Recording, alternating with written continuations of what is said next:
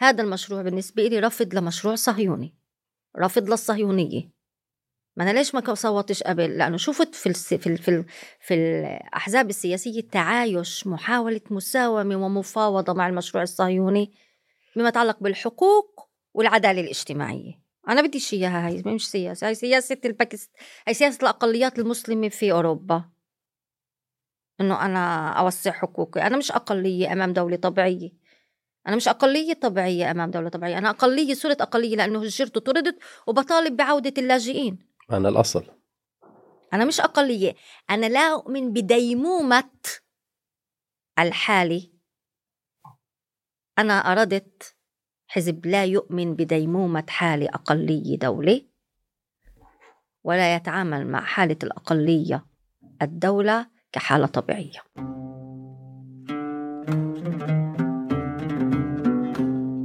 أهلا وسهلا أستاذة حنين. أهلا كيف الحال؟ أهلا فيك. كيف تركت البلاد؟ وراكي إيه والله عم افترق طرق ماشي بنشوف. بس خير أقول لك ولا خير الدين؟ خير الدين. خير الدين. أو خير عادي اللي بناسبك. ماشي. إحنا عندنا خير برضه بنقول خير يعني. نساء ورجال آه. خلينا نبلش من آه، أنت طبعا من مدينة الناصرة. أنا كنت. درست الإعلام ودرست الإعلام آه. سادة إعلام. زيك درست إعلام وصحافة. شو اللي خلاك تتحول على السياسة؟ نو أنا ما تحولت ولا كان نشاط طلابي تطور لعمل سياسي؟ آه يعني كان اهتمام سياسي وين أنا بالابتدائي يعني آه، من أو من نشرة أخبار حضرت صبرا وشتيلة أحداث صبرا وشتيلة مجزرة صبرا وشتيلة فأنا بالنسبة لي في قضية انفتحت. يعني ما هنا نقطة تحول بنقدر نحكي آه بالوعي هي مم. هي وعي قبل النشاط. أنا مش يعني مش من بيئة مسيسة من بيئة وطنية غير مسيسة. من بيئة يعني الوطنية اللي كانت إنه خطابات عبد الناصر وأبوي ما يحكي ليش قصص. قصص بنت صغيرة يقعدني ويحكي لي جمل من خطابات عبد الناصر. فبس أنا صبرا وشتيلة هي كانت ال- إنه يوجد شيء هنا. يعني يوجد سؤال انفتح وانفتح السؤال الوطني وب- وبعدين في مدرسة سانت جوزيف بالناصري مدرسة وطنية بمدير لكن له خرج أجيال على الوطنية أبونا إيميل. إيميل شوفاني خرج أجيال وطنية يعني تم؟ مدي... م- مدينين إله. إيه وثم إيه ثم أنا سمعت محاضرة لدكتور عزمي بشارة. أي سنة؟ 88 ومحاضرة لم تكن سياسية. يعني بعد بعد الانتفاضة بسنة. آه. طبعا الانتفاضة الأولى الانتفاضة الأولى خ- يعني أنا بلشت بالاهتمام بالسياسة.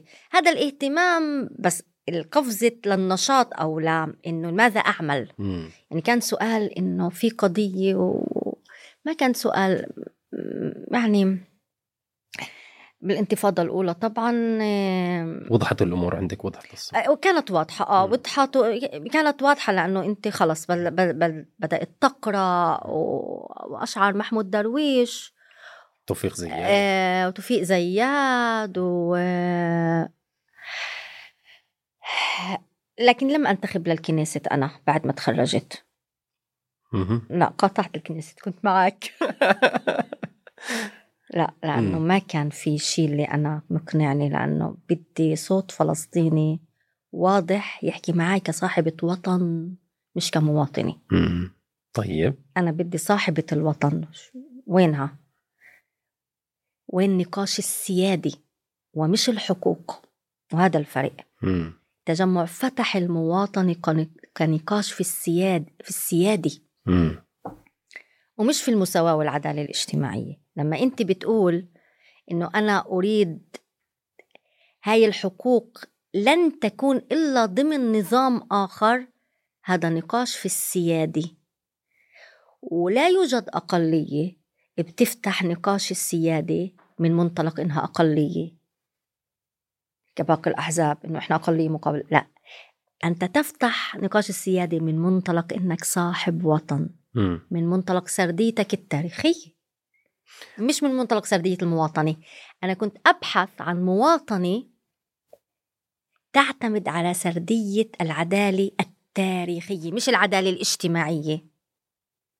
التجمع لا يتحدث عن عدالة اجتماعية دون ربطها بعدالة شكل من العدالة التاريخية.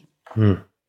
لما أنت تقول أنا لا أقبل تعريف وجوهر هاي الدولة لأني هذا وطني ولأنكم إنكم جايين هون وأنا أتنازل وبدي نظام غير صهيوني decolonization أنت تتحدث عن عدالة تاريخية وعن فوجدت ضالتك في التجمع؟ إسا أنا النقاش ال ال ال ال okay بالتسعينات باختصار بالتسعينات أنا آه وجدت ضالتي. كان في ميثاق المساواة ونقاشات كنت طالبة جامعة وهيك وأنا تتبعت مسيرة التجمع. تتبعتها ثلاث سنين من غير ما أنتسب للحزب.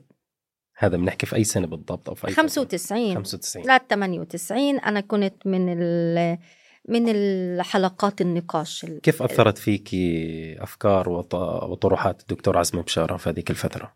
عمليا بداية إيه، طلع ال- يعني هو إبداع فكري اللي, اللي انحكى إنه هو قلب بارادايم فكري سياسي مهم. التجمع هو انقلاب ببارادايم.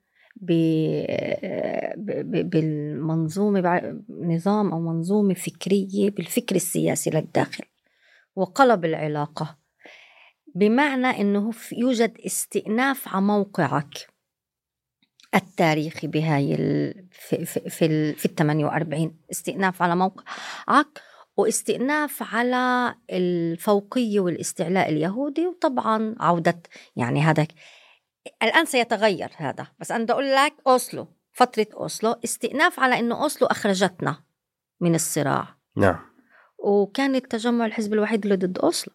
إنه إنه أوسلو هي هي تسوية لا هي تسوية لا تصلح أن تكون بداية لعدالة والت- والتجمع يتحدث عن ما بتشوفي. في اللي لأوسلو ممكن. انعكست عليكم في الداخل والعمل السياسي في الكنيست كما يرى البعض طبعا قد يكون إنها سرعت في إنشاء التجمع يعني في ناس بيشوفوا إنه والله فتحت مرحلة جديدة من العمل السياسي في الداخل أوسلو لا هي فتحت عمل مؤثرة أكثر مم. وفلسطن أكثر. يعني هي فتحت دايما الأزمات توسع عادة الأزمات توسع الواقع بس توسعه على النقيضين.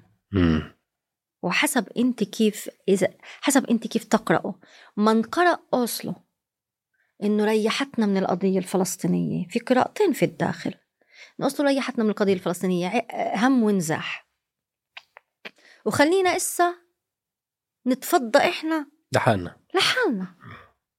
وهي قراءة كانت سائدة. خلص شو منظمة التحرير؟ بتوقع مع إسرائيل إحنا موافقين. عد إنه إحنا مش جزء من هذا الشعب. شو كان شعورك في هذيك اللحظة اللي سمعت فيها توقيع اتفاق أوسلو؟ كيف كان شعورك النفسي؟ ضياع. ضياع. آه آه. يعني حالة ضياع. إيه، للداخل وحالة ضياع. فلسطيني عام. شعرته بالتخلي. ما كان. الشعور عام. أنا شا يعني ما كان هيك الجو. لا كان في جو. إذا بدك صعب أكتر الجواب. ال- كان في جو فرح وراحة بالعموم. يعني قلت لك إنه في توقيع وخلص. خلينا نخلص مرات. أنت لما بدكاش آه، ما عندك بدك ترتيب سياسي تسعى لترتيب سياسي وليس لعدالة. فأنت بتمشي. ما هو أنت يا أنت تسعى لترتيب سياسي يا أنت تسعى لشيء عدالة الممكنة. وأنت قضيتك قضيتك هي قضية فلسطين التهجير فلسطين الطرد فلسطين الوطن. إذا هيك قضيتك أنت ستشعر بغصة وغضب وضياع.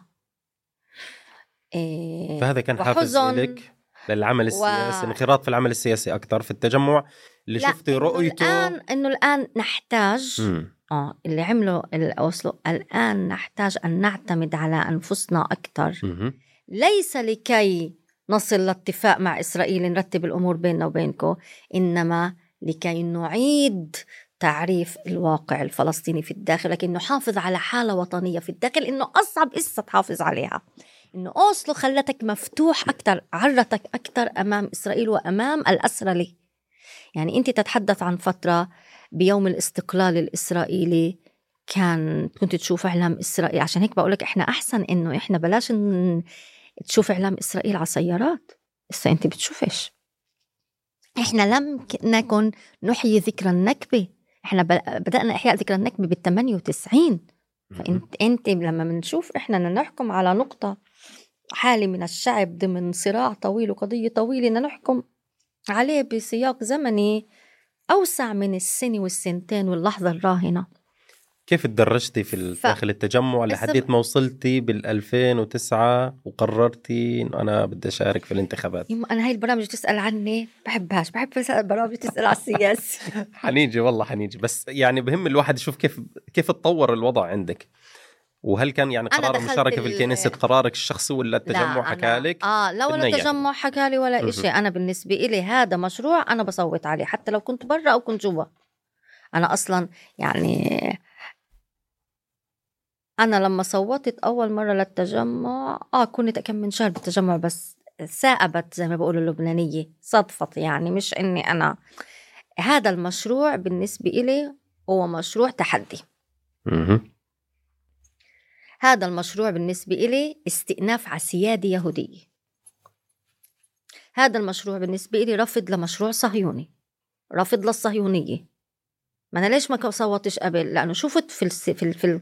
في الأحزاب السياسية تعايش محاولة مساومة ومفاوضة مع المشروع الصهيوني بما يتعلق بالحقوق والعدالة الاجتماعية. أنا بدي إياها هاي مش سياسة هاي سياسة الباكست هاي سياسة الأقليات المسلمة في أوروبا. إنه أنا أوسع حقوقي. أنا مش أقلية أمام دولة طبيعية.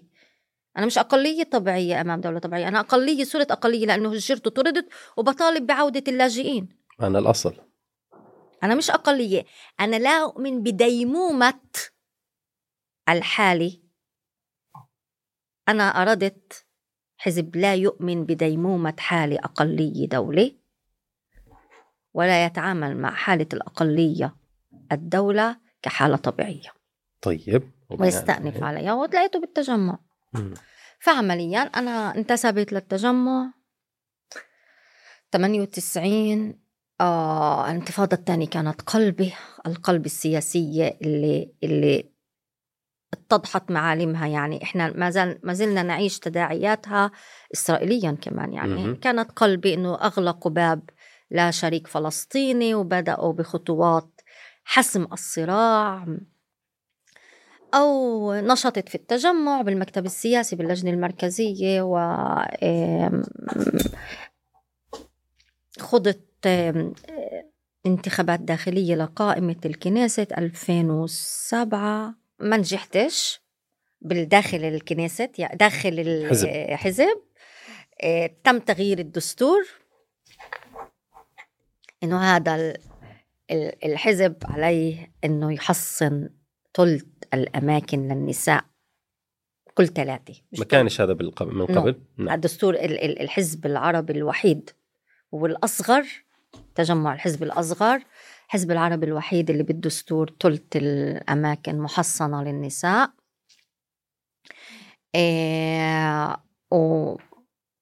ودخلت وصارت بعدها الانتخابات ودخلت للكنيسة 2009 دخلت للكنيسة 2009 وأول شغلة عملتيها رفضت الوقوف أمام النشيد وانسحبت من الجلسة كيف كان هذاك اليوم؟ لا هي مش مش دقيقة هاي مم.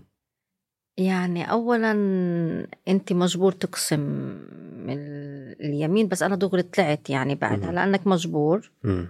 ولأنه هذا لا يعني لنا شيء يعني هذا بالنسبة لنا إشي إجرائي بس الغربة والاغتراب بالنسبة لك كفلسطيني وواضح الشيء غير الطبيعي إنك تكون غاد وإنت شاعر إنك طبيعي. يعني إنت تشعر كل يوم بإنك موجود في مكان بدك تدفع الثمن وإذا طلعت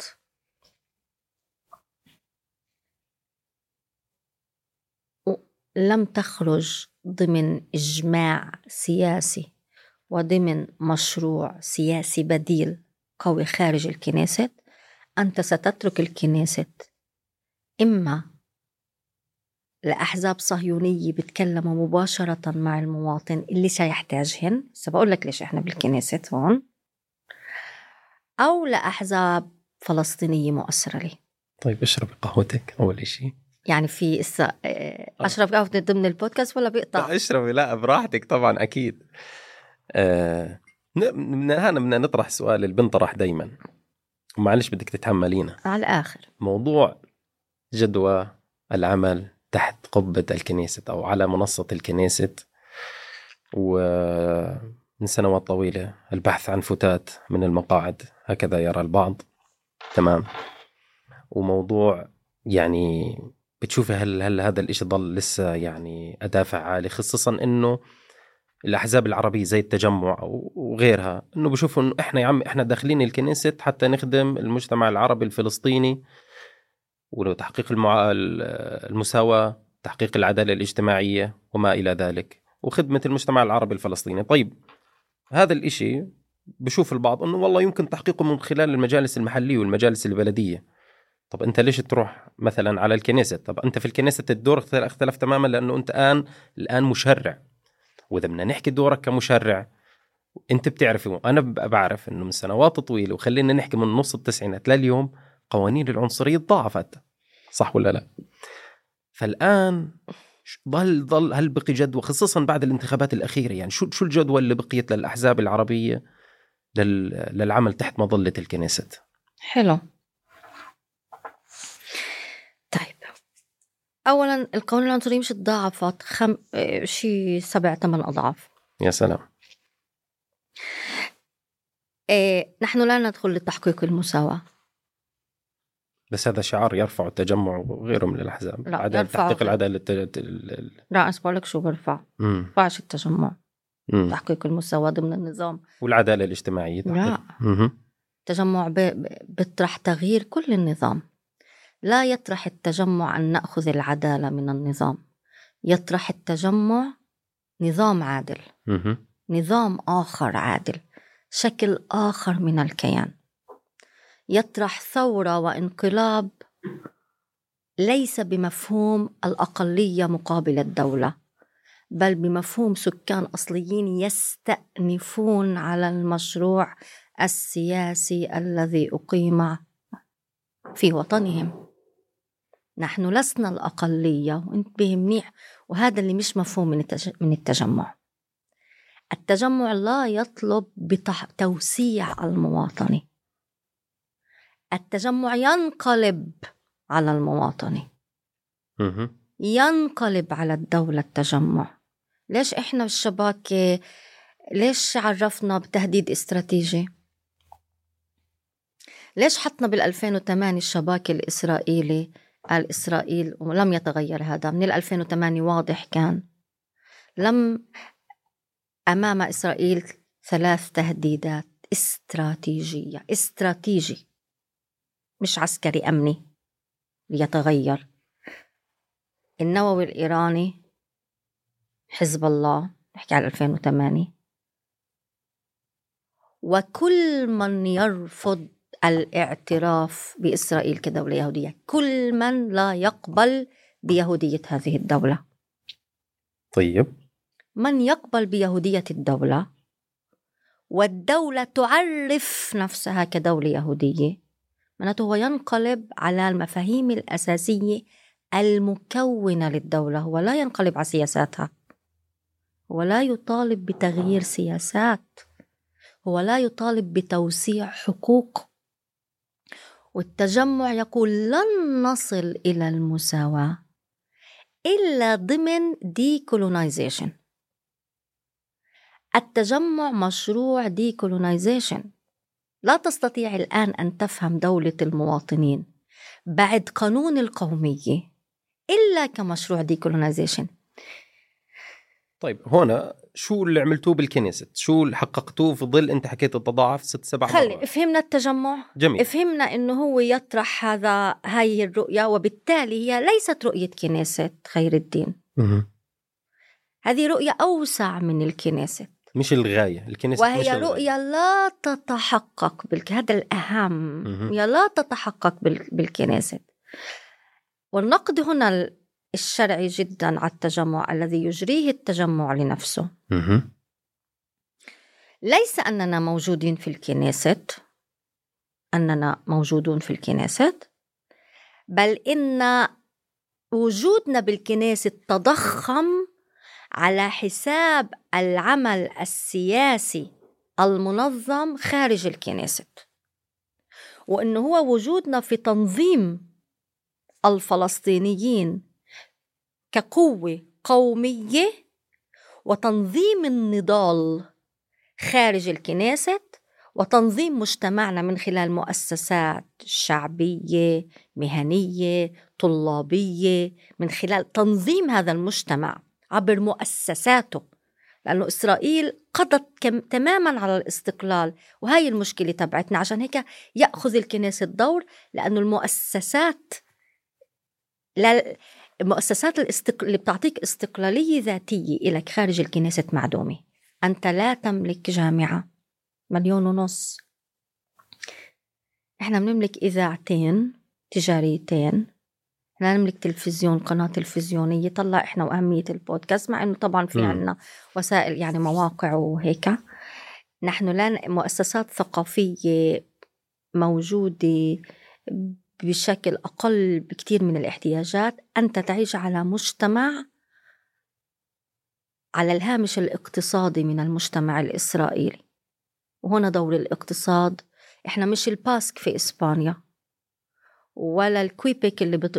كندا اللي بيطالبوا بانفصال أو بيطالبوا باستقلالية وعندهم قوة اقتصادية أعلى من المعدل الدولي. الباسك يعني مستواهم الاقتصادي أعلى.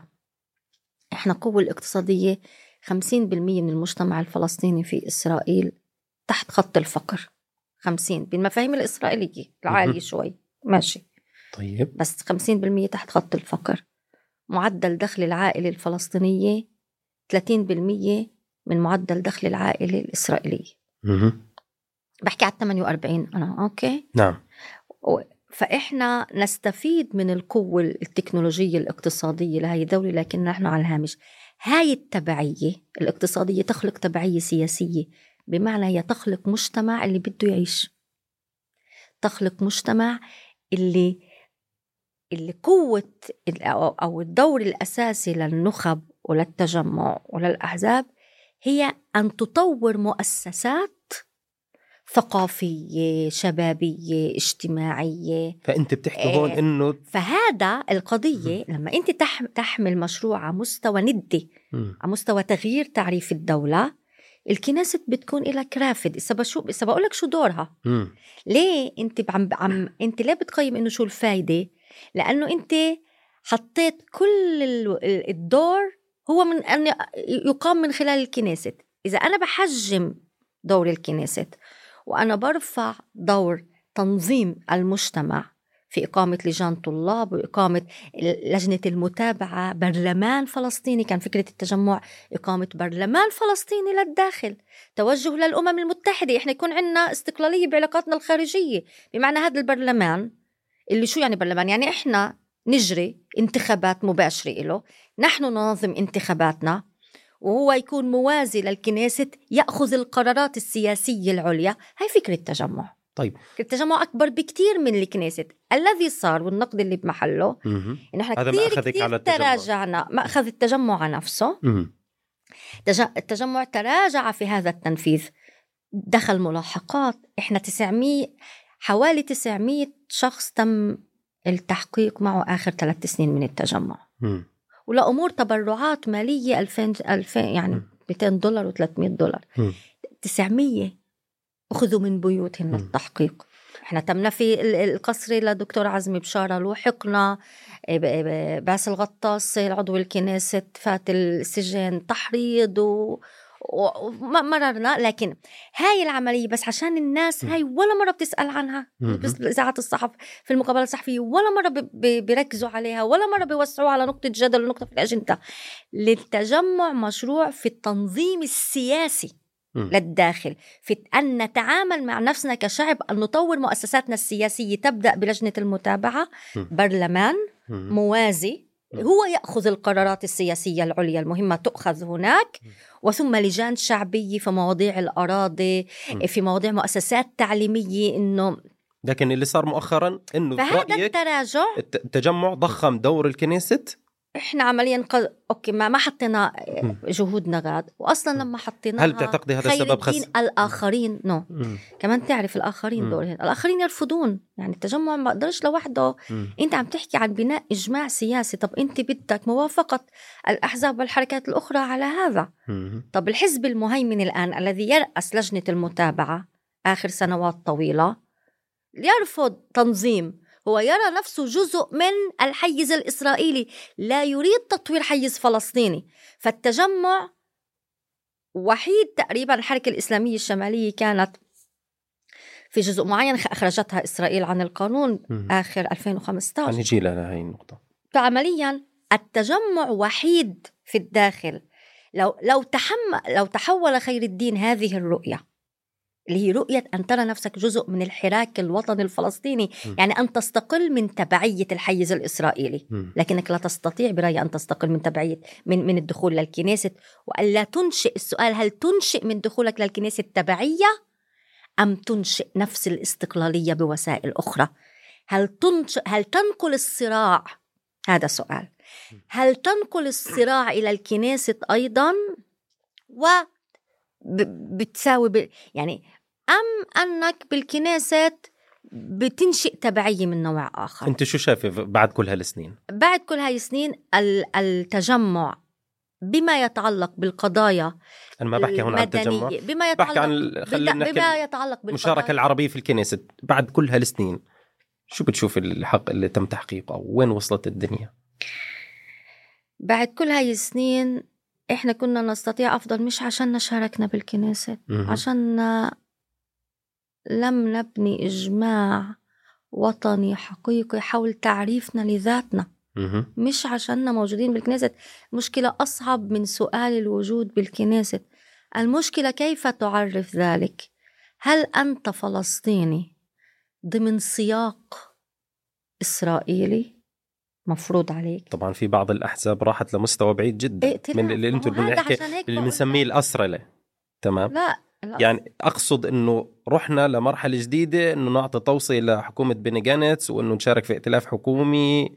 يعني أخذنا الإشي لآخره. هاي صهينة مش أسرة الأسرة لها قلب كتير من هيك. هاي صهينة مهم. هاي هاي خيانة الدخول بائتلاف. خيانة طبعا خيانة لشعب. هاي مش أسرة مم. أسرة أهون من هيك. إنك أنت تروح وتصوت على قوانين شايف عم تشربكني؟ وتصوت على قوانين. استنى شوي. إحنا بدنا نشربك. استنى شوي. بدنا نشربك ال- المشاهد أنت المشاهد المستمع كمان. بما يتعلق برؤية تاريخية? الفلسطينيين الآن في وضع أفضل من النكبة. في الداخل إحنا كنا بالثمانينات خير الدين قبل اوسلو 85% نصوت لاحزاب صهيونية. هسه صرنا نقتلف مع الحكومة يعني أسوأ. بس هذا ما أنا بدي أسألك إنه كيف صار الوضع؟ أحسن. آه، أوكي. إحنا لا، وصلنا لمراحل. أحسن. لا لا طبعا أحسن. من أي ناحية؟ أنا بدي أقول لك أحسن شو يعني. أحسن من ناحية إنه المجتمع الفلسطيني يتصرف في الداخل كما يتصرف الفلسطينيون أينما كانوا. وما حصل الق- ليس فقط رحنا تجاه الخيار الصهيوني إحنا رحنا تجاه خيار أكثر راديكالية فلسطينية أكثر فلسطينية هبة الكرامه هبة أيار 2021 وراح نجي لها أنت بدكش تشوفها فاذا مم. أنت عليك أن تضع الداخل مش بمنظار الائتلاف مع الحكومة م. أن تضع الداخل ضمن شبكة واسعة من الخيارات خيار فلسطيني. كامل واضح تحط غاد هبة الكرامة أو في هبة الوحدة الشباب بسم- بسموها في صف- وحدة الساحات. آه وحدة ساعات في صفتين يتنازع عليها. في جيل الجيل الكبير بيقول الكرامة والجيل الأصغر. أنا مع الص- زد. مع الصغار. يلا مع مش الصغار مع الشباب. إيه هبة الوحدة 2021 لا الدخول. الذي حصل في الداخل. الآن هويته أوضح. أنا بدك تسألني؟ طبعا. ومش أنا يعني في دراسات يعني رؤية تاريخية معمقة. نحن هويتنا الفلسطينية أوضح من إنك حتى فلسطينيا بشكل عام يعني مش بلاش من نقول هويتنا في هوية فلسطينية واضحة على مستوى الهوية. على مستوى ال... إذا إذا قدمت وعرضت أفق فلسطيني واضح للشباب واضح للناس الناس بيجوا عندك مش عند الحكومة. جميل. هاي هي خليني أسكر مم. أسكر. هذا هو معنى ال- التجمع ياخذ 140 ألف والحزب الأكبر ب- المتحالف مع الطيبي ياخذ 100 وقديش؟ 70 ألف. مم. هاي معضلة 3 و75 ولا 3 ونص اللي هي العتبة الانتخابية. آه 3.25 3 وربع. مم. أوكي؟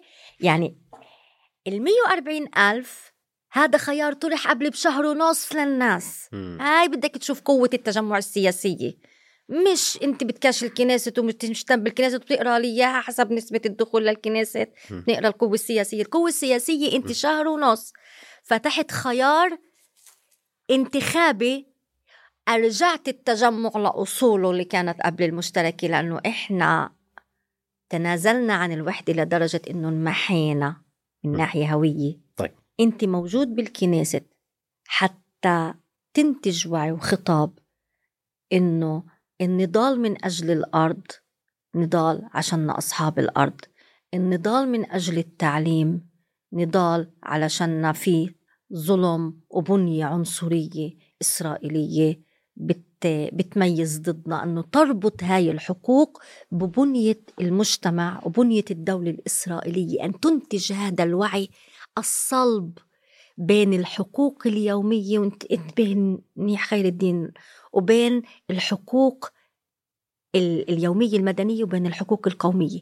إذا قطعت الصلة بين اثنين شعبك بضيع وبيروح على الحقوق المدنية وبرحل الرؤية القومية للخط الأخضر للشقة الشرقية من الخط الأخضر. يعني أنت تروح علشان تبني وساطة واضحة بين سياق المواطنة وحقوق مطالبة بالحقوق وبين القضية العامة لأنه إذا أنت طلعت من الكنيسة مش رح يبطل المواطن الفلسطيني يحتاج لوزارة الداخلية ووزارة الصحة ووزارة التعليم والوزير هذا والوزير هداك ويطالب وبده هيك وبده هيك. أنت بالكنيسة ولا بريت الكنيسة إحنا عايشين تحت سقف الوزارات بحياتنا اليومية. ولما انت بتقولي ما تكونيش بالكنيسة كوني بالسلطات المحلية أعوص. يا محلاهن رؤساء السلطات المحلية وارتباطاتهن. ارتباطاتهن بالميزانيات بتخلي وضعهن قابل للابتزاز السياسي أكثر من أعضاء الكنيسة. مين قال أنت عم بتقولي روحي واتركي القضايا اليومية لسلطات محلية ولبلديات هدلاك مرتبطين يوم يوم وبيعملوا لقاءاتهم مع ال- الشرطة مش بس مع وزارات ومع الشرطة ومع مع تخليهن عرضة للابتزاز السياسي وللتبعية السياسية أكثر من؟ أعضاء الكنيسة خليك معاي مم. طب ما في ابتزاز في الكنيسة؟ في بس بتخليهن عرضة أكثر مم. في بس أنت غاد بدك تبني بدك رخصة تبني الحضانة. وبدك رخصة تبني المدرسة. وبدك تزفت الشارع.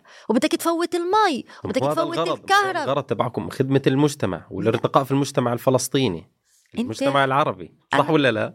مش هذا اللي بحكي بس أنت أنا ما هذا بحكي استنى شوي. أنا عم بقول لك الدخول بالسلطات المحلية بهاي الخدمات اليومية اللي أنت بدك بالنهاية تحصل رخص يومية وكذا ارتباط أعمق. إحنا ارتباطنا مش هيك. أنا بروحش على مستوى الفرد. إحنا بنروح على مستوى قضايا جماعية. الدخول بالكنيسة مش علشان أنا إكس ب- ب- ب- بمنطقة عارة أو أم الفحم أو الناصري بدي أهدم له بيته بده بيته ينهدم الآن وبكرة تيجي جرافة أنا بنحكي عن قضية مصادرة الأرض بشكل عام. إحنا بنحكي عن النضال وبنكون بالمظاهرات. إحنا ما بنفوت للقضايا الفردية إحنا رؤيتنا للفرد من خلال الرؤية الجماعية. وهذا المفروض أعضاء كنيسة بتصرفوا كرؤساء سلطات محلية إنهم يشتغلوا واسطة. آه في بعض الناس بيشتغلوا فكرة خدماتية. نحن وهذا مش لا دورهم. نريد أن نكون ها- ب- لا نريد أن نحول الحقوق لخدمات لخطاب خدماتي. إحنا نريد أن يكون الحقوق خطاب سياسي لمستوى حقوق جماعية. نحن نريد تغيير مكانة الفلسطيني. فلما إحنا منطالب هذا على مستوى السياسات ومنشكل ضغط. لا ننجح إلا إذا كان نضال شعبي مرافق برة الكنيست. طيب. إحنا هاي القوانين الصغيرة اللي ممكن نمرقها. إذا هي في قضايا كبرى لن تمر. مين قال لك إحنا إيه، مرت قوانين مهمة قبل نتنياهو. مرت قوانين مهمة قوانين الرئيسية. إسا أنت لم تستطيع تمريرها. بالعكس حكومة إسرائيل من نتنياهو 2009 ل 2005 زاد القانون القوانين العنصرية أربع أضعاف. زادت مسودات القوانين العنصرية أكثر بكتير. فأنت قياس نجاحك وهذا خير الدين أنا بدي أقول لك إياه. قياس النجاح هو ليس بأكم من قانون تمرر لأنه بالنهاية ممكن لا تمرر قوانين إنما هو بالتغليف الوطني بالوعي الوطني اللي أنت تنشئه لشعبك. وأحيانا بدك بلد تاخذ مرات شعبك بده طالب مجرد إنك حملت هذا المطلب. فبالنسبة للشعب هذا جزء من وبالنسبة لك هذا جزء من الوظيفة السياسية أن تحمل وتمثل هذا المطلب. نحن ممثلين لشعب. إحنا مش حكومة ومش جزء من الحكومة وشعبنا الواعي. لا يحاسبك إيش مرقت إيش جبت له شعبنا يحاسبك كيف حملت هذا المطلب؟ بأي جدية وبأي وطنية حملت هذا المطلب؟ وهل بذلت مجهودك؟ اللي ي... اللي يحاسبنا على إنه شو جبتولي معناته بيعرفش البنية العنصرية للدولة وهو يردد وهذا بنهي هنا يردد خطاب تحريض إسرائيلي. مين أنتج؟ مش القوة الوطنية اللي أنتجت سؤال شو عملوا لكم أعضاء الكنيسة العرب؟ بتعرف مين أنتجها؟ مش أبناء البلد مثلا كقوة وطنية خارج الكنيسة. شو عملوا لكم أعضاء الكنيسة العرب خطاب أنتجها الإعلام الإسرائيلي. خطاب أنتجها إسرائيل بحجة إنه إحنا مش بحجة إنه إحنا بنروح نتصهين مش عشان بنروح نتصهين وبدنا نتصهين لأنه إحنا نخوض خطاب وطني. وعشان نربط الوطني بالخدمات الوطني بالمدني القومي بالمدني أنتجوا خطاب وزرعوا خطاب شو عملوا لكم أعضاء الكنيسة العرب عشان ينزعوا ينزعوا عنا الصبغة الوطنية. طيب دكتور عزمي بشارة غادر في 2007 قصرا.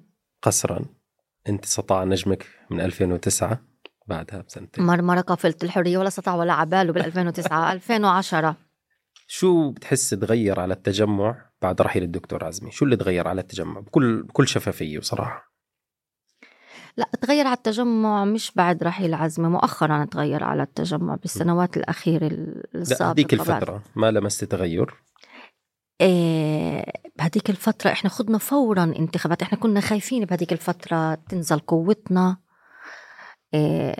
تم اتهامنا إنه حزب الشخص الواحد حزب فإحنا عزمي نفي قصرا 2007 وكان قرار حزبي إنه على عزمي إنه يخرج لأنه مش مطلوب لعدالة هو مطلوب لإسرائيل وإحنا لا نسلم لإسرائيل لا نؤمن بالعدالة الإسرائيلية. إيه، إحنا بال 2009 بعد سنة ونص كانت الانتخابات وكان هو الامتحان الأصعب حتى نعرف هل ضرب التجمع برحيل عزمي أم انه العلاقة بين الشعب وبين الصوت الوطني هي علاقة وثيقة لا تمر.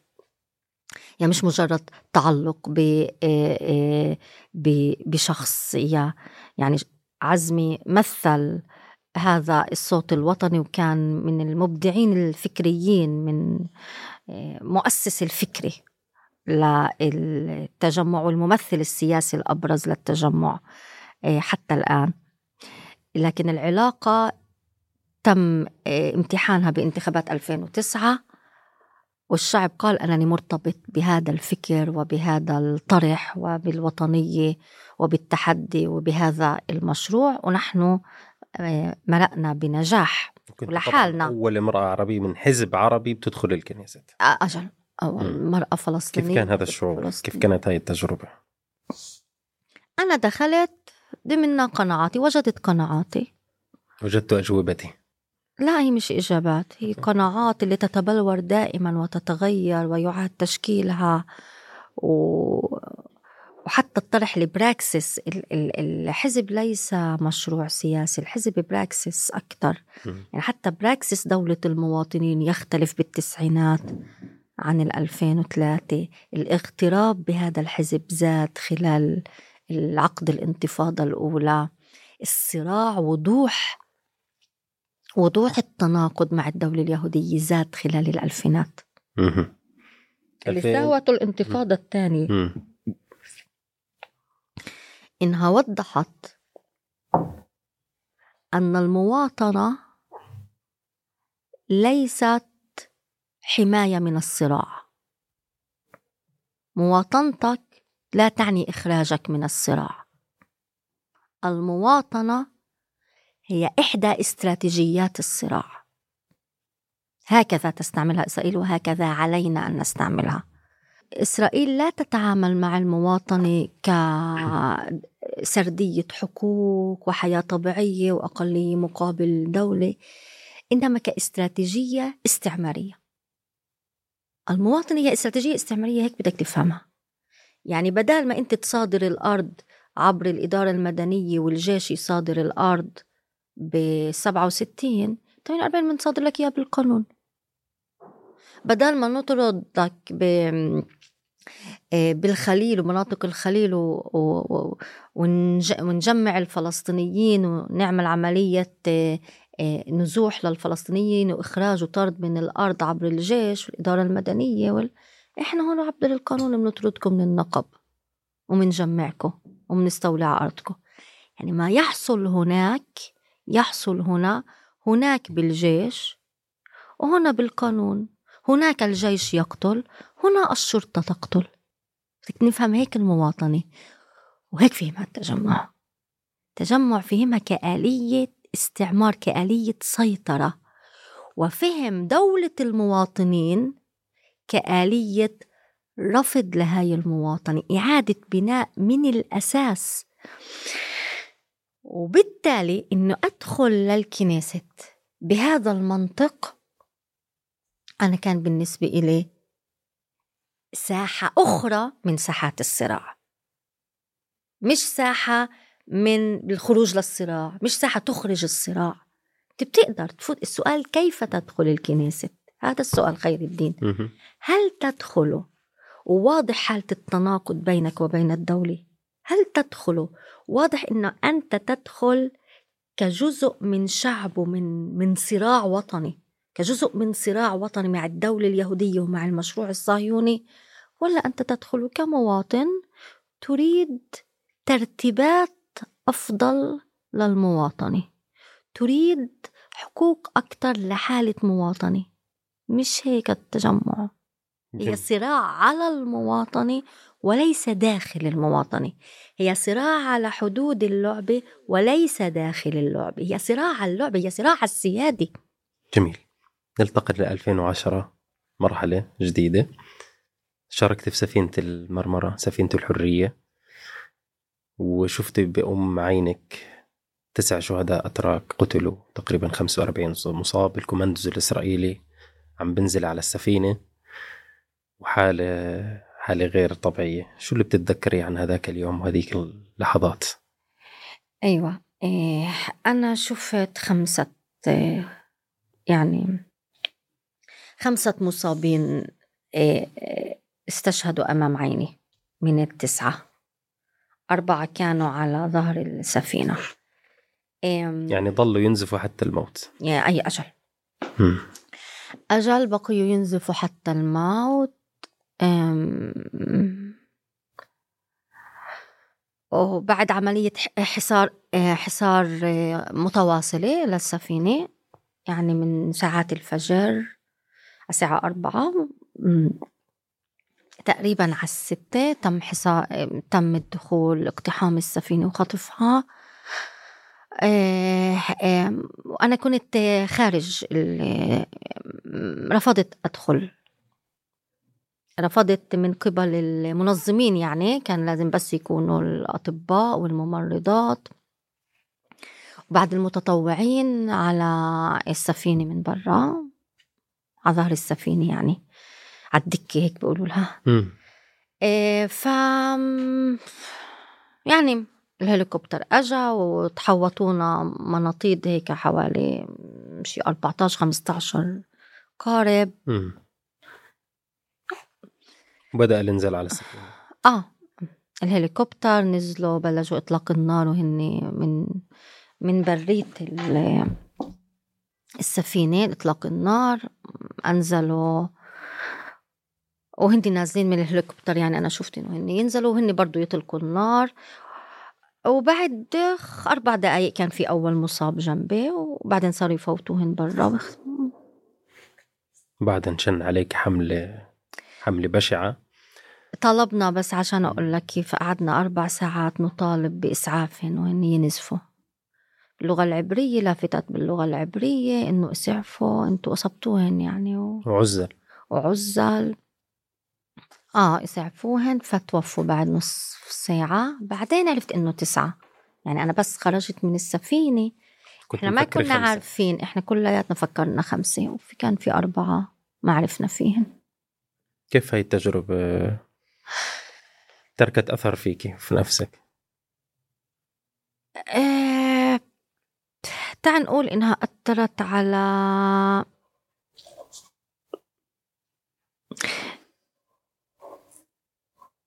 أم، أنا ما بعرف لو لما خطهاش آه، إذا كان في شيء ما بتعرف كيف أثر. في أشياء أنت بتأثر عليك وأنت مش عارف كيف أثر. تجارب بالحياة أنت بتفوتها. بدك حياة تانية ما تصيرش معك هاي التجربة وتقارن. في ناس بشوفك إنك صرتي أشرس بعد هيك بعد قصة يعني معقول مم. خلينا نقول إنه بطبيعة التعامل معي خلينا نقول إنه هذه ال- الجريمة الجريمة الصغرى بالنسبة لإسرائيل بلورت علاقتي ليس فقط شعوري علاقتي العملية والسياسية داخل الكنيست وقد يكون بلورت كمان توجهي ل ما بعرف. إيه، ما بعرف لكن هي لا شك آه، هي القاعدة اللي بناء عليها تم التعامل معي واللي بناء عليها أنا تعاملت. مع الآخرين حتى بمستوى ال- القضايا اليومية وبمستوى ال- الحياة اليومية داخل الكنيسة ب 2014 كان لك تصريحات موضوع خطف ثلاث إسرائيليين في الخليل. وحكيت إنه ال- اللي خطفوا الجنود يعني مش إرهابيين. نعم، تم. شن حملة بشعة عليك من الأقصى اليمين لأقصى اليسار. ور... يعني تم طردك من الكنيسة ست أشهر تقريبا على ما أذكر. آه فالسؤال اللي بيجي هون اللي ممكن يطرحه البعض إنه هل بتشوف خطابك السياسي معبر عن فلسطيني الداخل أم إنه هذا الخطاب الجريء رفع السقف بحيث إنه الفلسطيني في الداخل ما بيستطيعوا ما بيستطيعوا تحمله؟ يعني أنتوا رحتي لمرحلة أبعد. أمم، فعلا؟ يا كيف؟ اطلع لو أنه هذا خطاب إجماع فلسطيني كان ما كان هاي ردة الفعل عليه امم إحنا لم نعود. الفلس... الإسرائيليين يبنون توقعات. يبنون توقعات مش بس رغبات. يبنون توقعات بناء على ما اعتادوا عليه من الفلسطينيين يضعون حدود للعبة أنا قد أكون مباشرة أكثر أوكي؟ لكن خطاب أن الإرهاب الرئيسي هو إسرائيل والاحتلال والاستعمار والقتل هي أم الإرهاب إسرائيل أم الإرهاب. وكل ما ينتج الفلسطيني يقع ضمن كعملية مقاومة. كل ما ينتجه لأنه ليس هو الإرهاب. هي, هي إحنا نستطيع أن نناقش الفعل السياسي لكن ضمن إطار مقاومة. ضمن إطار رد فعل إنساني ورد فعل بشري. وجدعون ليفي بهآرتس بقول إيش يعني إيش بتوقعوا منهن؟ أنتوا شو خليتوا لهن أصلا؟ okay؟ يعني في إسرائيلية بيحكوا بيحكوا أحيانا أكثر مني اسمها إسرائيلية. إنه شو خليتوا لهن يعني؟ خليت الفلسطينيين مظاهرات بتقنصوهن. آه، جمعيات بتخرجوها عن القانون. حركات سياسية بتخرجوها عن القانون. أنتم مش أنتم أنتم مش انكم بدكم أنتم ضد الخطف أنتم ضد كل مقاومة فلسطينية أنتم ضد كل وجود. لكن خلينا نتوقف على هاي لأنها مهمة. التجمع استثنائي في المشهد الفلسطيني بحكي اللي منخرط بسياسات المواطنة يعني. يعني اللي هو عادة بالإعلام يعني الممثل بالكنيسة استثنائي في مشهد اللي يغطى إعلاميا في عدم استعمال لغة اعتذارية اللي يستعملها الآخرون. لغة جريئة. لغة واضحة لغة إنسانية. ما بدهاش جرأة هي بدها جرأة عشان وضعنا سيء. هي بدها جرأة. هي لغة. توضح الواقع. تقرأ هي لغة تقرأ الصراع. مش جريئة تقرأ الصراع بوضوح. إسرائيل سياستها إرهابية. هنالك شعب يقاوم. وإنتو ضده قاوم من المظاهرة من الجمعية من المؤسسة إلى الكفاح المسلح. إنتو تعدوا إرهاب. وإلى العمليات إنتو تعدوها إرهاب. كل ما ينتجه هذا الشعب هو شكل من أشكال المقاومة مش إنه فاق الصبح وبده يقتل وبده يخطف. آه يا جزء من أشكال المقاومه النقاش على أشكال المقاومة مش معك. داخل شعبي. هذا مش معنى إنه إحنا مش لازم نخوض نقاش كيف تكون المقاومة. ما هي السبل الانجع ما هي أشكال المقاومة. لكن هذا مش معك أنت. كمحتل. أنت مش مع المحتل. معك كل شيء بعمله أنا مقاومة. كل شيء معه مقاومة. النقاش عليه أن يكون داخلي. وأنا مش مجبورة مش مجبورين نطلع النقاش الداخلي أمام الإعلام الإسرائيلي ولا أمامكم. هاي جزء من سيادة نضال تحرري. علي أني مشكلتنا أنه لا نبني مرجعيات مشكلتنا أنه لا مرجعية وطنية لدينا. بس أمامك أنت المحتل وأنت القاتل وأنت وأنت وأنت. ما ما بتشوف أنه هذا الخطاب الموجود عند التجمع؟ ممكن يقوده لشيء زي ما حصل مع مع يعني حركات تانية زي الحركة الإسلامية الشمالية أو غيره. الآن بعد يعني حتى الخسارة في الانتخابات ما بتتوقعي أو ما بتشوفي إنه ممكن والله هذا الخطاب يقود تجمع نحو الحظر وإخراجه عن القانون؟ متوقعين بتتوقعوا هيك شيء؟ اطلع إيه الحياة دايما أوسع الواقع أوسع من الخيال. فبدي أقول لك هيك إنه آه بتوقع. لكن أنا بدي أقول لك شو الصعوبة. هي صعوبتين. الصعوبة على إسرائيل إنه تعمل. الصعوبة على إسرائيل. وبقول لك شو الخوف. م. إسرائيل أو الشباك أعتقد إنه الشباك الإسرائيلي عندما يقدم على هذه الخطوة سيقول ما هو البديل؟ يعني لوين إحنا عم إذا انتهى هذا الخيار السياسي ممكن الالتجاء لخيارات اللي إسرائيل أيضا لا تريدها أكثر. خيارات اللي هي بالنهاية خيارات إنه العمل الوطني سيجد له آفاق أخرى. العمل الوطني العمل الوطني سيجد له آفاق أخرى. مم. المخاوف؟ إيه وهذا بس علشان ننهي. هذا التجمع الوطني الديمقراطي له قواعد والانتخابات الأخيرة لمن كان يستضعف هذا الخيار وجذوره الجماهيرية وقوته الجماهيرية الانتخابات الأخيرة أثبت القاعدة ونحن الآن علينا أن نوسع هذه القاعدة.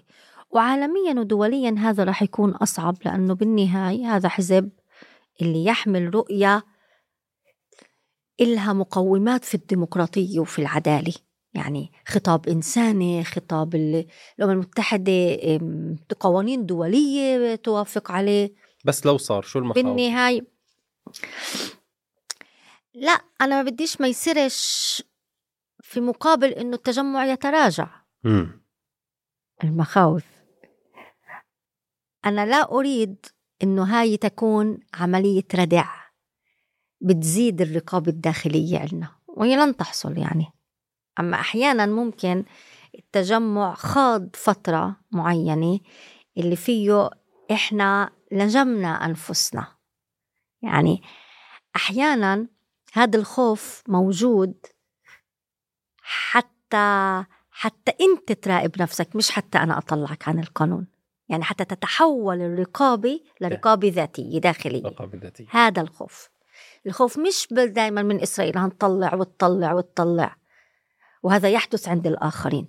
يعني جزء من التراجع العام جزء من إنه أنت بتروح بتستنكر عمليات. ليش حبيبين تروحوا دغري وبتستنكروا عمليات؟ من مين طالب منكم بيكونش مطلوب منهن انت تعمل مش مطلوب منك. لأنك أنت تريد أن تثبت حسن السير والسلوك. هي الرقابة الذاتية اللي أنت تمارسها على ذاتك عشان تاخذ شهادة رمزية بحسن السير والسلوك وتكون مقبول. هذا خطير. هذا خطير ان أن يشكل أحيانا القانون من غير ما يستعمل يشكل عملية ردع داخلي. بعد 2015 كان في تجربة جديدة تجربة القائمه المشتركه في ادعاء كبير موجود حتى من أبناء التجمع إنه القائمه المشتركة هدمت كيان الأحزاب وأضعفتها. لأي درجة هذا الإشي صحيح؟ 100% كيف؟ كيف أضعفت القائمة المشتركة اللي هي المفروض أنها بتوحد الأحزاب العربية في الداخل تخليها تشتغل تحت منصة واحدة؟ كيف أضعفت دور الأحزاب العربية؟ طيب أنا بعطي بالأول جواب العاطفي وبعدين جواب العقلاني. جميل. العاطفي مية بالمية. العقلاني المشكلة بدأت قبل المشتركة. المشتركة أجهزت ومنعت التعافي. العمل السياسي بدأ بالتراجع ما قبل المشتركة. بدأ بإضعاف علاقته مع الجمهور ما قبل المشتركة. إحنا مش عايشين بفقاعة الثورات العربية المضادة.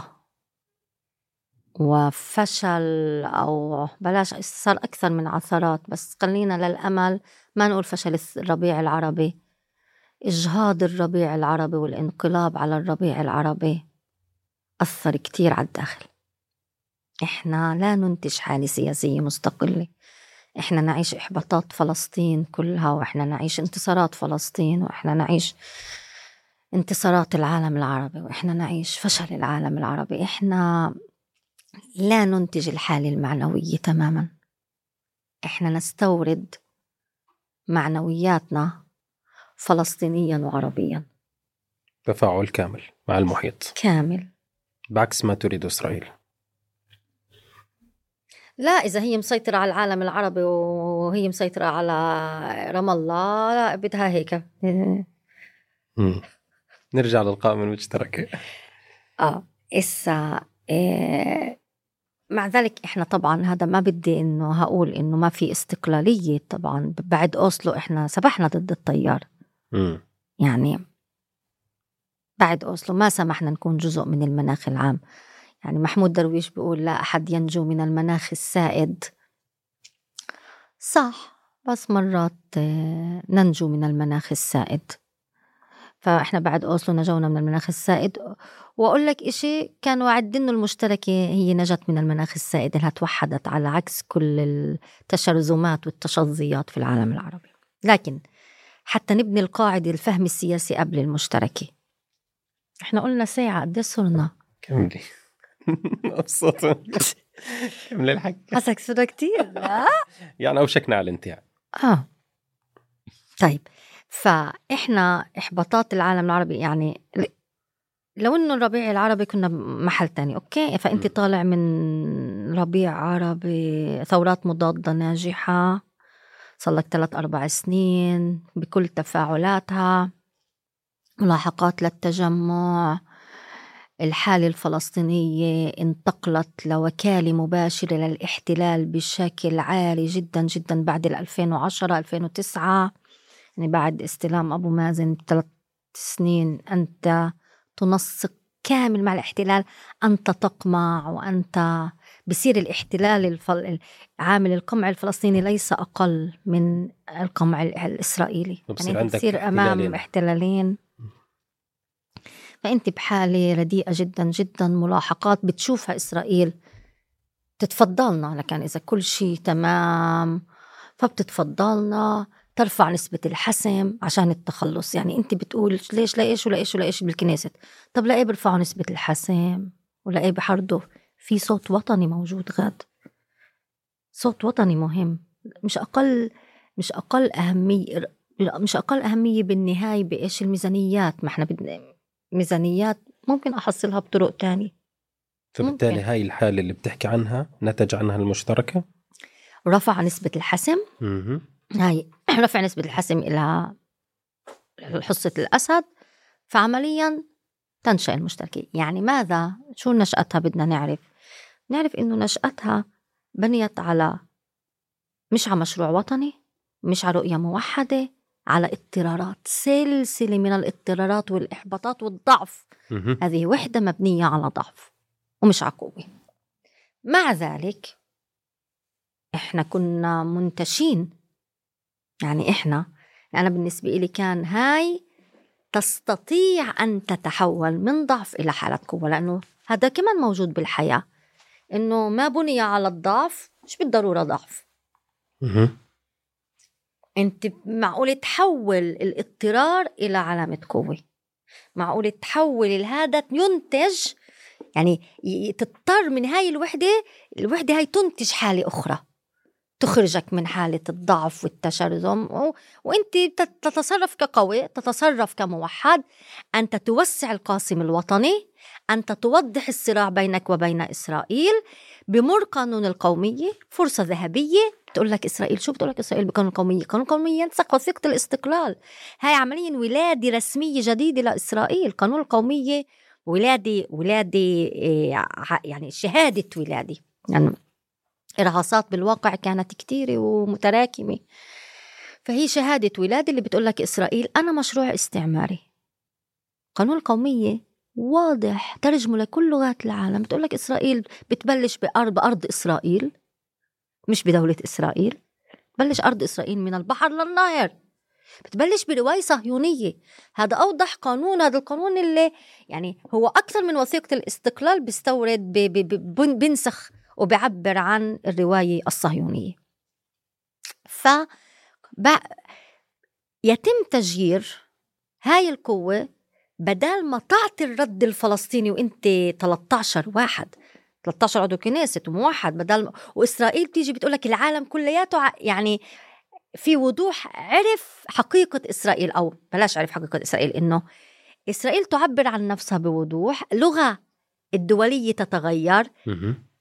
منظمات تبدأ بوصف إسرائيل بالأبارتهايد ال- الخطاب الأكاديمي والخطاب حقوق الإنسان وخطاب التضامن الدولي مع فلسطين يبدأ بوصف إسرائيل استعمار استيطاني يبدأ بمحو الخط الأخضر وبتوحيد الشعب تحت منظومة قهر صهيونية تحت منظومة المشروع الصهيوني هذا بصير أوضح هاي فرصتك تطلع وتعلن عن أننا نعيش مواطنة كولونيالية أننا نريد.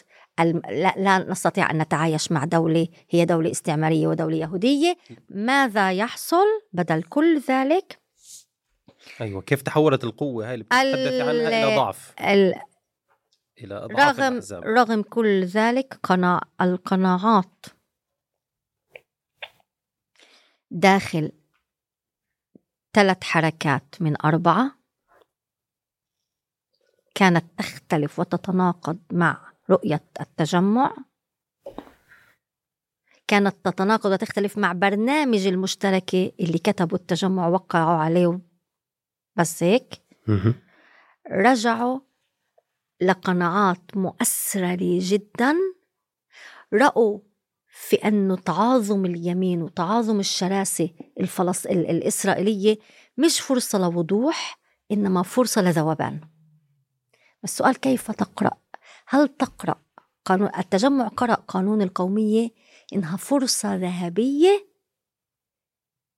الشراسة الوضوح الاستعماري. فرصة ذهبية أنك أنت تطلع بمشروع وطني رافض للدولة اليهودية. رافض ليهودية الدولة بتقول هي يهودية الدولة استعمار. تشوفوا هذا القانون.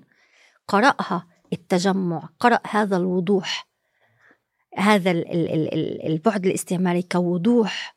يتيح لك إنك توضح مشروعك الآخرين قرأوها كاستشراس عليهم إنه يوطوا السقف. طب يعني يحموا حالهم بتو... يعني أنت مرات بتشوف القوة الخصم مجال إنك أنت وأنت موحد إنك تعل... تحمي حالك. الوضوح شو بقول سلافوي جيجيك؟ ال... ال... ال... أحيانا الراديكالية هي الواقعية الوحيدة الممكنة. إسرائيل عم بت... بت... بتوديك للزاوية إنه أنا استعمار يلا إيش عندك؟ إيش عندك تقوله؟ مين أنت؟ أنا استعمار. بدك تقول لها أنا فلسطيني أنا صاحب الوطن. أو بتقولها طيب حاضر سيدي. جواب الآخرين حاضر سيدي إحنا بنمثل السيد. طيب يعني يعني منصور عباس بيحكي لك يا عم أنتوا ليش قاعدين بتهاجموني طب شو جدول المشاركه في الكنيسة؟ إذا أنا ما صارش عندي قوة ومقاعد وما أشارك في الحكومة ما أشارك في الائتلاف. شو جدول مشاركتي في الكنيسة إذا أنا ما بدي أثر في الحكومة؟ جدوى مشاركتي مش جدوى مشاركتي بالكنيسة ليس على حساب هويتي الوطنية. جدوى مشاركتي بالكنيسة إني أحاول أحافظ على الحالة الوطنية ضمن إنه أربط اليومي كمان مرة بالوطني. ما ما ما أفصلش بيناتهن. وجدوى مش إني أبيع حالي الجدوى يكون بالنضال. إذا فيش جدوى بكثف النضال مش بكثف التنازل. أو أنا بكثف النضال أو أنا بقول لشعبي هنا بهاي الحقوق لن نأخذها على الأقل فلنحافظ على الحالة الوطنية. خلينا نكون صادقين. خلينا نكون صادقين مع شعبنا. مش دائما رح نحقق إن, إن, إن, إن ناخذ اللي إحنا مش مش دائما إحنا الطبيعي ألا نأخذ حقوقنا من دولة عنصرية. هذا هو الطبيعي. ليش أنت بت بت بتجادلني؟ عدني أنا معارضة فرنسية. ما أنت تقاري إسرائيل؟ أنا بدي أحكي مع شعبي بصدق. إحنا قاريين إسرائيل مشروع استعماري قاريين إسرائيل دولة عنصرية ولا قاريين إسرائيل دولة ديمقراطية؟ أنا ما نقراهاش لشعبنا انها دولة ديمقراطية. من نعطيهوش هذه الأوهام. اللي بيقول رح نحصل إني أزيد الدخول والتأثير. والتأثير هو اللي بيقرأ إسرائيل كدولة ديمقراطية هو اللي بيكذب على شعبه. طيب في 2021 كان التجمع جزء من القائمة المشتركة وكان حتى إن كان في رفض وامتعاض آه، تم إعطاء التوصية لحكومة جانتس 2020 امتنع التجمع بالكامل. 2021 قال لك ماشي رأي الأغلبية. 2021 راح منصور عباس لحاله وطبعا تم مهاجمته وكذا. شو اللي بيختلف باللي عمله منصور عباس في 2021 عن 2020 لما أنتم كنتوا جزء من المشتركه في 2021 آه لا هو في شي فرق بين أفوت لائتلاف للحكومة وبين أكون في الكنيسة طبعا في فرق لا طبعا في فرق أفوت للحكومة معناته أنا تخليت عن كل معارضة. أنا بالكنيسة موجودين كمعارضة. إحنا موجودين كمعارضة أيديولوجية كتحدي لسياسات. بس أنا لما بشلح كل التحدي وبشلح كل المعارضة وبشلح هويتي وبشلح عشان أفوت على الحكومة أنا بتخلى عن كل هذا. أنت موجود في الكنيسة بصوت وطني. أنت موجود حفاظ على حالة وطنية. الحالة الوطنية لا تكون إلا بالتحدي. مش بس بالمعارضة. المعارضة هاي برضو لدولة طبيعية. تكون بالتحدي. تكون بحبل مشروع بديل ماكرو على مستوى كل النظام على مستوى الكيان. إحنا معارضتنا حتى مش بس لسياسات هي تحدي لأنه المعارضة مش لسياسات المعارضة لشكل الكيان السياسي لجوهره لطبيعته لعلاقته مع المشروع الصهيوني لعلاقته مع الامتيازات لمكانة اليهود. إحنا تحدي لمكانة للسيادة. إحنا تحدي مش حزب عادي تحدي للسيادة اليهودية في الوطن. منيح؟ شايف هدول هدول إذا الكلمات هدول ما نفهموش قبل كل جملة بنفهمش التجمع طيب. وبنفهمش الحل ونحن لا نؤمن بالحالة الوطنية. مش امتحانها بالكنيست ولا لا امتحان الحالة الوطنية. هل تحمل شكل للسيادة يتحدى شكل لسيادتك على وطنك يتحدى السيادة اليهودية على وطنك أم لا تحمل؟ هذا سؤال أوسع بكتير من معارضة عادية أوسع بكتير من حزب عادي أوسع بكتير من سؤال الكنيست وأعمق من سؤال الكنيست هلأ أنت لما تدخل الحكومة أنت مش قلت أنا لا أتحدى. يا ريت قلت لا أتحدى. أنت بالكنيسة بتقدر تقول لا أتحدى. بالكنيسة تقول يا بدي أوجع راسي. أنا بدي ميزانيات. وبدي أعارض وأحاول أمرق قانون هون أمرق. ما هيك كانوا ما هيك كانوا هيك كانوا. بس انت لما تروح تاخد خطوة انت تقول أنا جزء من المشروع الصهيوني. مش بس لا اتحداه مش بس أنا بدي أعارضه معارضة عادية بديش أنا معارضة التجمع. أنا التجمع حامل آه، استئناف على تعريف استئناف بعيد استئناف شايف حاله جزء من الصراع بديش. انت مش بس هيك بتقول. انت عم بتقول أنا أريد أن أنخرط في المشروع الصهيوني أريد أن أنخرط في حكومة صهيونية أدعمها أصير جزء منها أوقع قوانين ضد الأقصى أوقع قوانين ضد القدس ما إحنا كانوا يح... ال- ال- القضية ليش أنتم بتمرقوش القانون اللي بدكم إياه القانون الوطني؟ إسا مش هون مش بتحاسبوا ليش بتمرقش القانون الوطني؟ أنت بدك تحاسبوا ليش عم بتمرق القانون الصهيوني؟ انت ليه عم بتمرق سيادة إسرائيلية؟ عم بتكون جزء من دعم سيادة إسرائيلية. هذا الفرق انك هون تح... انت جزء من احتض... جزء من هذا المشروع. انت منخرط في فرق بين انت منخرط بالمشروع الصهيوني منخرط بسيادة صهيونية. انت تدعم سيادة صهيونية. انت نقلت انت انت نقلت الضفة انت نقلت الصف. انت صرت بصف آخر تماما. هذا الاسرله قبل أنت كنت مؤسرل شو يعني كنت مؤسرل يعني أنت كنت في حالة بينية. لانك فلسطيني مية بالمية ولانك إسرائيلي مية بالمية. آه حالة مشوهة. هاي بسموها الحالة البينية. بين بين. هاي المؤسرلة الأسرلة إنك بين بين. مرات بتعمل شيء مشوه. إسرائيليا وتقول عن حالك فلسطيني وتقول معلش هيك إسا أنت ما ما ما ف- أنت خرجت من الحالة البينية. بس مش للوضوح الفلسطيني. أنت خرجت للحالة البينية للوضوح الصهيوني صر- صرت صرت جزء من حكومة صهيونية. هذا كسر لثوابت هذا كسر, لأبجديات العمل السياسي في الداخل. حتى لو تم تمهيده من قبل خطاب التأثير اللي حملته رئاسة المشترك الحزب الشيوعي الجبهة برئاسة أيمن عودة. حملوا إنه بدنا نأثر بدنا نوصي على جانس مزبوط. يعني هو ممكن إنه هذا مهد نفسيا للمواطن العادي طيب هاي المواطن العادي بيحكيها. خير الدين آخر جملة إلي. المواطن العادي ممكن يقول إنه يا بالأول نأثر بدل نخرط المواطن العادي اللي اللي حتى يعني مش مش مش يقظ سياسيا. أوكي؟ مش يقظ.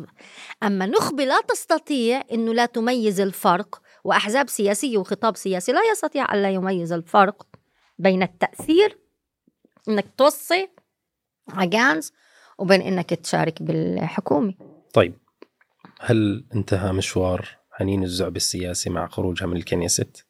أنا تقريبا ابتعدت وتشربكت لما التجمع تشربك في الأداء السياسي آخر كم من سنة لما إحنا فعلا هذا الصوت والوضوح الوطني والوضوح ال- الصراع ووضوح اختلافنا عن الآخرين إنه بنمثل صوت فلسطيني واضح بنمثل جزء من صراع فلسطيني واضح جزء من نضال فلسطيني واضح.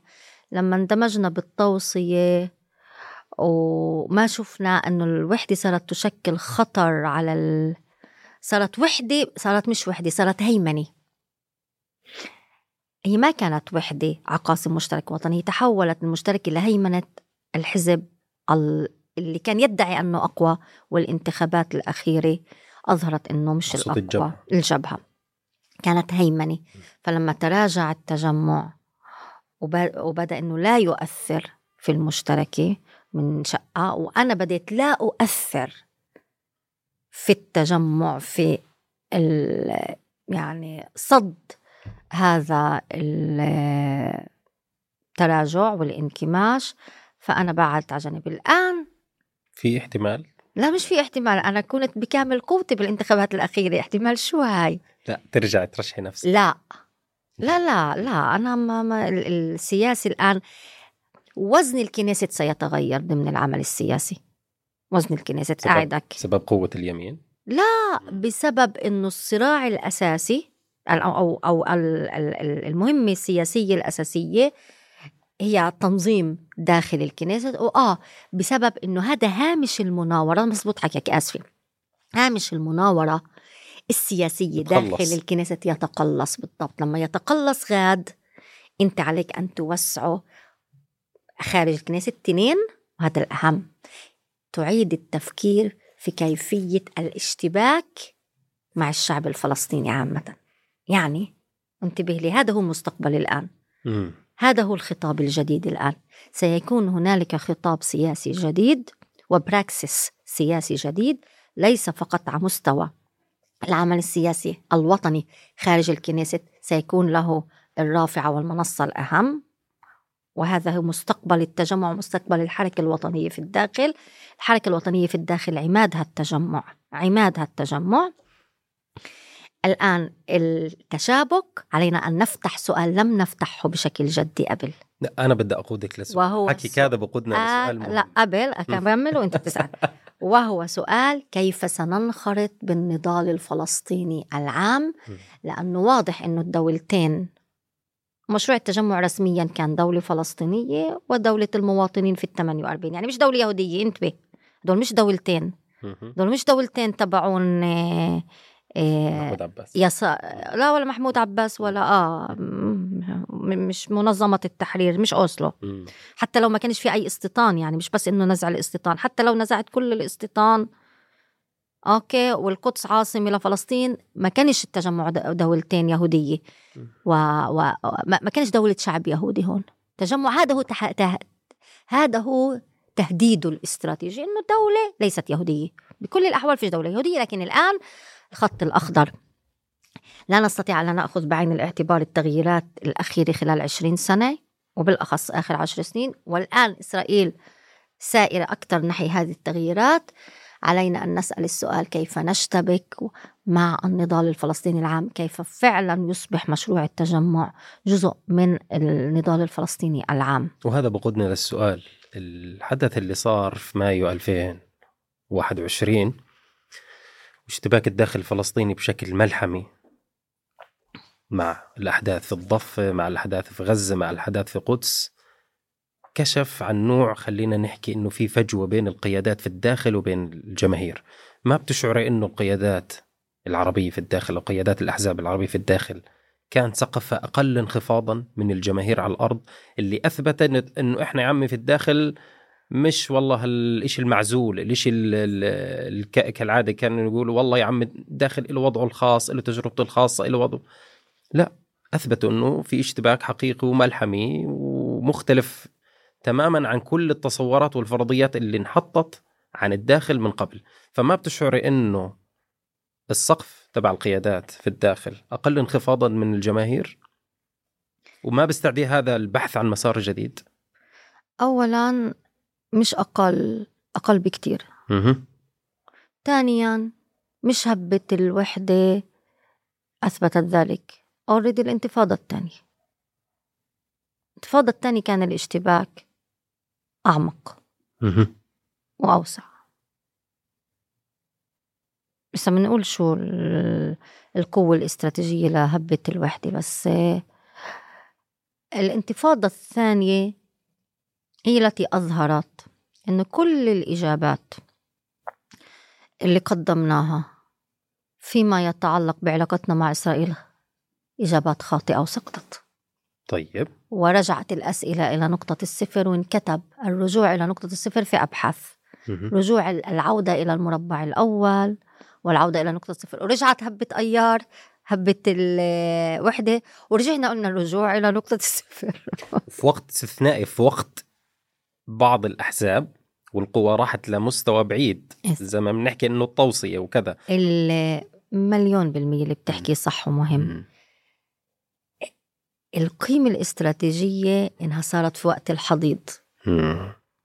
كان في مراهن إنه خلص الأسرة اللي ماخذة يعني إحنا أنت صغير أصغر مني بكتير كان كان بالانتفاضة الثانية نفس المراهنة مم. بس اللي برضو اللي بتحكيه صح إنه بالحضيض بعد توصيات بعد ما التجمع اللي هو الصوت الوطني تلاشى هذا الصوت من ناحية البعد الوطني تبعه. فأجت هبة أيار مع إنه هبة ال- الوحدة إيه، ما كانت بهذا الشمول. أوكي يعني هي ما المقصود بالشمول؟ يعني ما مش الآلاف وعشرات الآلاف اللي خرجوا مم. بس معبرة وفي حالة اشتباك يعني كانت آه، الأحداث اللي صارت في اللد يعني ما بعرف هل هل كانت هل, هل حصل هل شفتي مشهد قبل هيك لا. مشابه؟ لا لا لا لا لا بالضبط لا لا لا إطلاقا إطلاقا إطلاقا آم، ما هو أنا بقول لك أنا أخاف من ال- النزوع لقراءة واقع عبر مشهد واحد أو اختصار واقع مركب عشان نفس هبة الكرامة بعده صار الائتلاف وبعد هبة الكرامة الحزب اللي بائتلاف حكومة أخذ أكتر حزب عشان أقول لك إنه نقرأ الداخل. في شوية تناقض مش م- شوي. م- الحياة. هي هيك الحياة مم. إحنا بنتناقض بنعمل بالنسبة للحياة مش تناقض هي الحياة بس في إقرار منك إنه والله القيادات يعني مستواها سقفها أقل بكثير. بكثير. طب كيف مج... وعشان كيف يمكن مجاراة الشارع؟ خير الدين عشان هيك التجمع أخذ الكثير الآن لأنه عاد لهذا الخطاب. يعني سامي أبو شحادة اللي ترأس قائمة المشتركة اللي ترأس قائمة التجمع خلال هبة آه، الكرامة كان صوت من الأصوات البارزة في تمثيل الهبة. كان صوت من الأصوات البارزة والوحيدة في الدفاع عن الهبة في الإعلام الإسرائيلي وإيضاح إرهاب الدولة وإيضاح العنف كعنف استعماري. ما بتشعر ف... الناس؟ فخليك معي فالهبة هاي أنا أؤمن إسا أنا إسا بدي أجي من ال... أبين إني أنا من الجيل القديم. مم. أبين. مش من الجيل القديم كثير يعني بس. يعني آه، معقول من الجيل القديم. طلع ليش ببين الجيل القديم؟ لأنه الجيل اليوم يقول أنه تستطيع هاي الحركات لا تريد قيادات لا تريد تنظيمات. هاي المعادلة الشباب اللي أنا بحس حالي كبيرة آه، قدام قدام هذا الخطاب. ما هذا السؤال. بالعمر. إنه في أزمة غياب قيادة؟ هذه الحركات لا تريد قيادة. قيادات. مهم. هي تريد حراك. قيادة أفهمها. واحدة وشامله موحدة يعني. خطاب الشباب أو الحركات الشبابية كما أفهم وكما وصلني اللي أنا مطلع عليه قد أكون خاطئة أنه لا تريد هرمية لا تريد أطر تنظيمية لا تريد مؤسسات. ترى أنه بالمؤسسات والتنظيم والقيادة ال... ال... والهيكل التنظيمي عبء على الحركات العفوية وترى أنه أحد أسباب نجاح حبة الكرامة أو هبة الوحدة إنه هي كانت من خارج التنظيمات وكانت كانت أكثر عفوية. وأكثر آه، مفتوحة ومش مجيرة أنا أقول إنه لا إحنا لا نستطيع يعني أزمة ال- ال- الأزمة الفلسطينية تتمثل في أزمة مرجعيات أزمة عدم وضوح مشروع الوطن الفلسطيني وهي هي بعدين تسألني عليه عشان نختم وعشان نخلص الحلقة يعني المشاهد وهذا السؤال الأخير آه. إنه كيف تشوف المشهد الفلسطيني وين رايح؟ فالهبة منيح فهاي الهبة عمليا كانت تحت مستوى القيادة لكن أنا أدعي وأنا يعني كتجمعية إنه التنظيم الذي نجح أن يعبر عن هاي ليس كتنظيم كصوت كان آه، إيه، كان التجمع الأقرب إلها خلينا نقول. كان التجمع الأقرب إلها. ولو إحنا بعزنا يعني التجمع يرى نفسه ضمن هاي الحركات يرى نفسه ضمن هذا الحراك. والتجمع لن يستطيع وهنا المستقبل أين المستقبل؟ لن يستطيع. مهمة التجمع الآن ليست الكنيسة. وهذه فرصة أننا خارج الكنيسة أوكي؟ طيب. مهمة التجمع الآن وهنا المستقبل أراه, أراه إعادة بناء الحركة الوطنية بهذا النفس. إعادة بناء الحركة الوطنية والتجمع جزء منها وتوسيع انفتاحه على الخارطة السياسية التي لم تستوعبها الأطر والتنظيمات التقليدية ولم يستوعبها التجمع بشكله الأول الأخير مم. المنكمش مم. بشكله المنكمش أنت طبعا هذا ما أخذك ال- عليه لا هاي مراجعة ذاتية داخل التجمع مش مأخذي أنا مم. هاي كانت مراجعة ذاتية داخل التجمع بدأناها ب 2018 و19 قدمت أوراق هل ممكن يتجه أربع س... التجمع لاحقا في المستقبل لمقاطعة الانتخابات إذا توصل لرؤية ومسار جديد مختلف هذا. لن يكون إلا إذا نجح التجمع في إعادة بناء الحركة الوطنية وكان جزء رئيسي منها. لن يكون إلا كقرار جماعي. أنا أعتقد أنه لن يكون ناجع إلا كقرار استراتيجي وليس قرار حزبي طيب. المقاطعة يمكن أن تكون ناجعة وسلاح من العصيان المدني. وإذا بتسألني علينا أن نفكر في تطوير أنواع العصيان المدني. مهم. بدأ يوم الأرض كشكل من أشكال العصيان المدني. تطور تم التراجع عنها. إحنا دايما نكتشف يعني زي آه، يقول عزمي بشارة نكتشف قوتنا ثم نتراجع عنها. وهذا ما حصل يوم الأرض اكتشفنا قوتنا تراجعنا عنها. علينا أن نكتشف قوتنا الآن ولا نتراجع عنها. وهذا يكمن في تطوير أشكال من العصيان المدني. أحدها مقاطعة يعني لازم نوسع فكرنا. نضلنا من منظار كنيسة ومش كنيسة كنيسة ومش كنيسة. وسع وسع وسع وسع وسع. تطوير أشكال من العصيان المدني في الداخل. أحد أشكالها قد تكون قد تكون مقاطعة الكنيسة كرؤية استراتيجية جماعية لحركة وطنية تتخذها بالإجماع ولا تسمح لحركات إنه إنها تدخل الكنيسة يعني تدخل الكنيسة و... و... و... و... وتكون مسار لإعادة صهيونة وإعادة أسراره آه يعني عشان هيك بده يكون قر- قرار إجماعي مهيمن لحركة وطنية قوية تدرس عمليات من العصيان المدني. بما فيها مقاطعة الكنيسة هذا مستقبل ال- هذا المستقبل الآن للتجمع هو إعادة بناء الحركة الوطنية. جميل. وهي قوته الاستراتيجية ب أخذا بعين الاعتبار كل المسار الفلسطينيين المسار الوطني اللي سرنا فيه وضوح إسرائيل كمشروع استعماري. وما هو الجواب؟ حتى الآن إحنا لم نقل التجمع ما هو جوابنا على قانون القومية نا- أنا نحن لا نريد أن نكون حالة وطنية سلبية. هنا ننهي.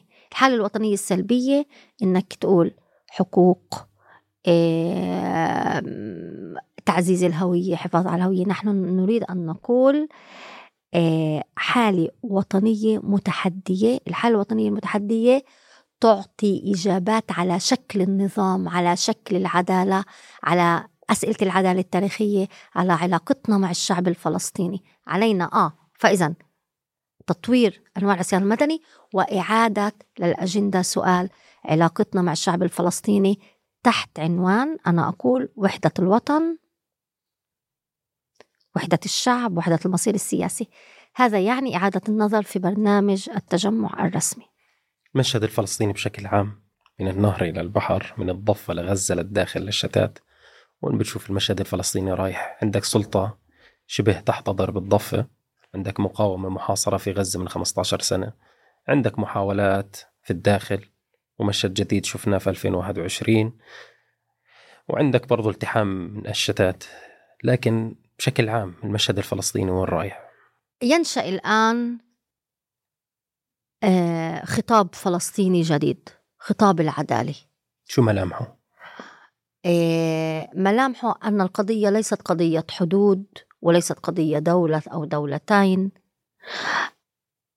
القضية هي تحرر من المشروع الصهيوني كمشروع استعماري. له بعد استعماري واضح.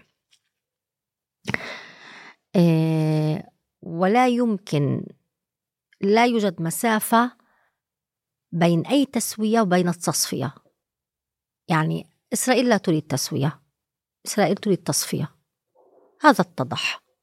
بداية من لا شريك فلسطيني باراك 98 شارون وحتى الآن لا يوجد أي إمكانية لا أنواع حكم ذاتي قد تكون بنتستانات. حتى اليمين الآن الصهيونية الدينية لن تعطي بنتستانات. يعني إسرائيل تذهب إلى حيث لا يوجد مجال حتى لتسويات غير عادلة حتى لتسويات مشوهة. لا حاجة. هذا الشعب بني سنفتح حلقة جديدة. لا لا. هذا الشعب بني على مفهوم الصراع الطويل. الشعب ال ال ال ال ال ال ال الإسرائيليين وهنالك كتابات كثيرة إنه علينا أن نحضر المجتمع لتفوق تكنولوجي وصناعي وعلمي ولحالة نفسية.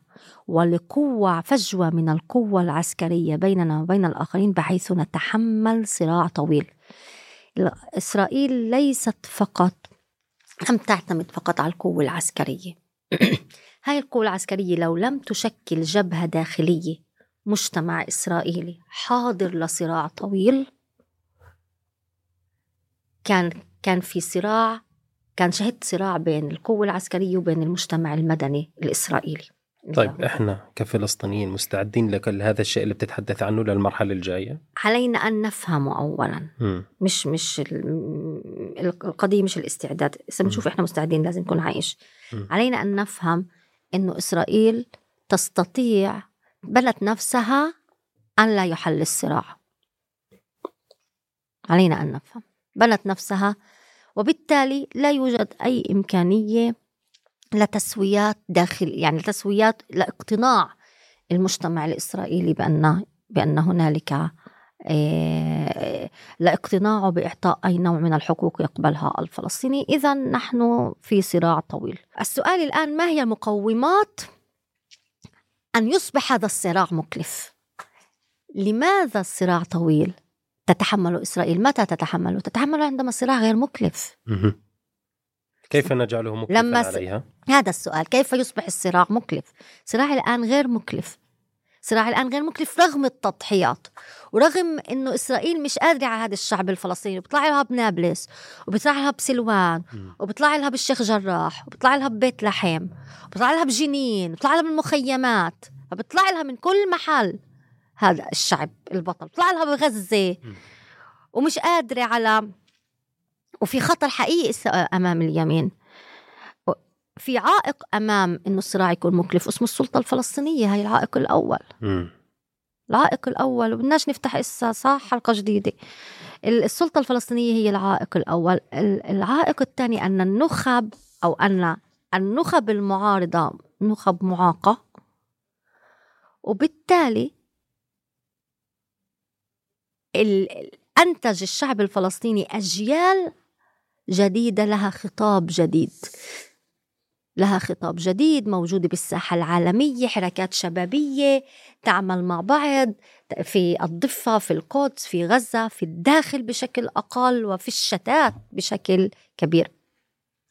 الآن هذه المهمة الآن على هذه الحركات أعتقد.